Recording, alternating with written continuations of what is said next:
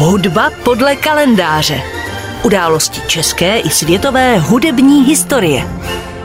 První dny měsíce března jsou pro každého hudby milovného Čecha spojeny s jedním z našich nejvýznamnějších hudebních skladatelů, který je považován za tvůrce české národní hudby, Bedřichem Smetanou, který se narodil 2. března 1824.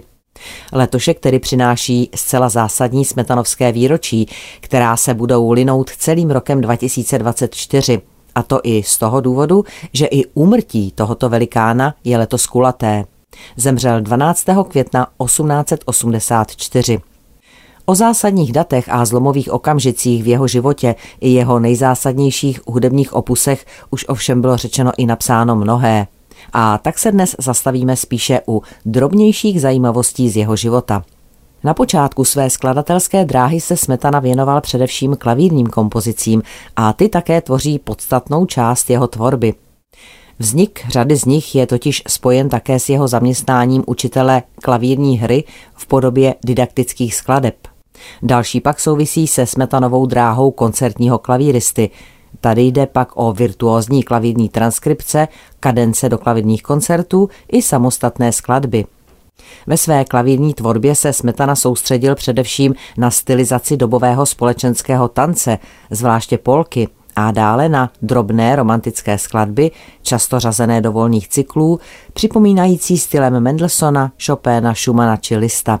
Charakteristické pro jeho klavírní skladby je, že je znát, že je komponoval vynikající klavírista a tak vždy vycházejí jakoby z ducha nástroje a nikdy nejdou, tak říkajíc, proti klavíru. Smetanův přínos české hudbě spočívá především v jeho všestranosti. Jako skladatel položil svou tvorbou základy moderní české hudby. Do tehdejšího hudebního života ovšem zasahoval i svými dalšími aktivitami – byl, jak už víme, vynikajícím pianistou, ale i komorním hráčem, dirigentem a zbormistrem také oblíbeným a uznávaným hudebním pedagogem a fundovaným hudebním kritikem. Všemi těmito činnostmi zásadně ovlivnil utváření novodobého domácího hudebního života. Žádný jiný český skladatel nespojil své veřejné působení a svou tvorbu s aktuálním společenským a hudebním děním tak pevně jako právě Smetana – což se například v jeho dílech značně projevilo mimo jiné volbou námětů a žánrů. Ve svém díle usiloval o vytvoření svébytného českého hudebního stylu. Výrazně ovlivnil následující generace skladatelů. Jeho hudba se dodnes těší mimořádné oblibě u posluchačů a v průběhu dějin se ukázala i její mimohudební síla – zejména díla nesoucí ideje české státnosti a národní svébytnosti, získávala manifestační a protestní charakter a posilovala český národ v těžkých chvílích. K takovým dílům patří pochopitelně cyklus symfonických básní Má vlast, anebo opery Prodaná nevěsta a Libuše. Josef Suk a Josef Hála hráli dvě dua pro housle a klavír Bedřicha Smetany s názvem Z domoviny, dílo, které je jakýmsi komorním protějškem mé vlasti, skladatelovým hudebním vyznáním lásky k rodné zemi. Skladba ovšem vznikala jako příležitostná na objednávku hamburského nakladatele Huga Poleho, i když nakonec bylo dílo kvůli neschodě vydáno jinde. Sesaďme ovšem teď Bedřicha Smetanu ze národního pědestálu a podívejme se, jaký vlastně byl. Smetana měřil pouhých 165 cm a měl nápadně malou a útlou postavu a téměř ženské ruce. Dominantou tváře byl výrazný až mohutný nos a měl také nápadné obočí a knír. Vlasy měl dlouhé, černohnědě lesklé, sahaly až na ramena.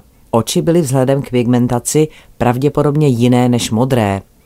V pozdějším věku byl typický pro něj plnovous. Byl prý značně krátkozraký, od 14 let nosil brýle, měl patrně 7 až 5 dioptrií. Podle jeho vnuka Zdeňka Švarce byl ochlupený na celém těle, především na rukou. Jeho hlas byl podle vzpomínek zvučný, měkký bariton s mírným nosovým zabarvením a zdůrazněným R. Podle vzpomínek byl mírné, tolerantní povahy, umělecky i lidsky skromný a sebekritický – Jinak byl čilý, živý, temperamentní, mladiství. I ve 40 letech budil dojem mladého člověka. Byl také hovorný, rád a dobře vyprávěl.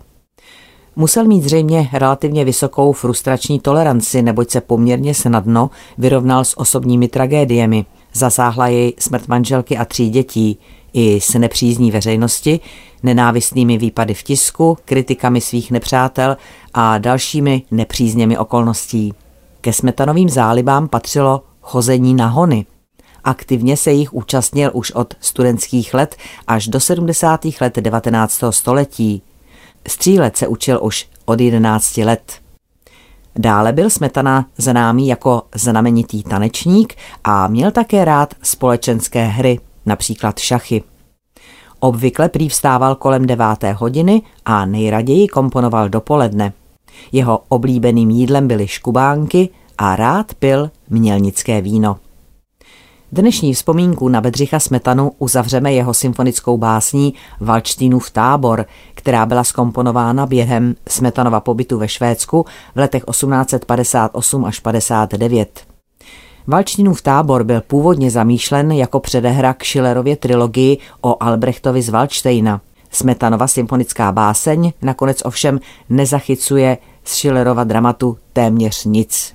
Její obsah je čirou skladatelovou fantazií. Hudba podle kalendáře.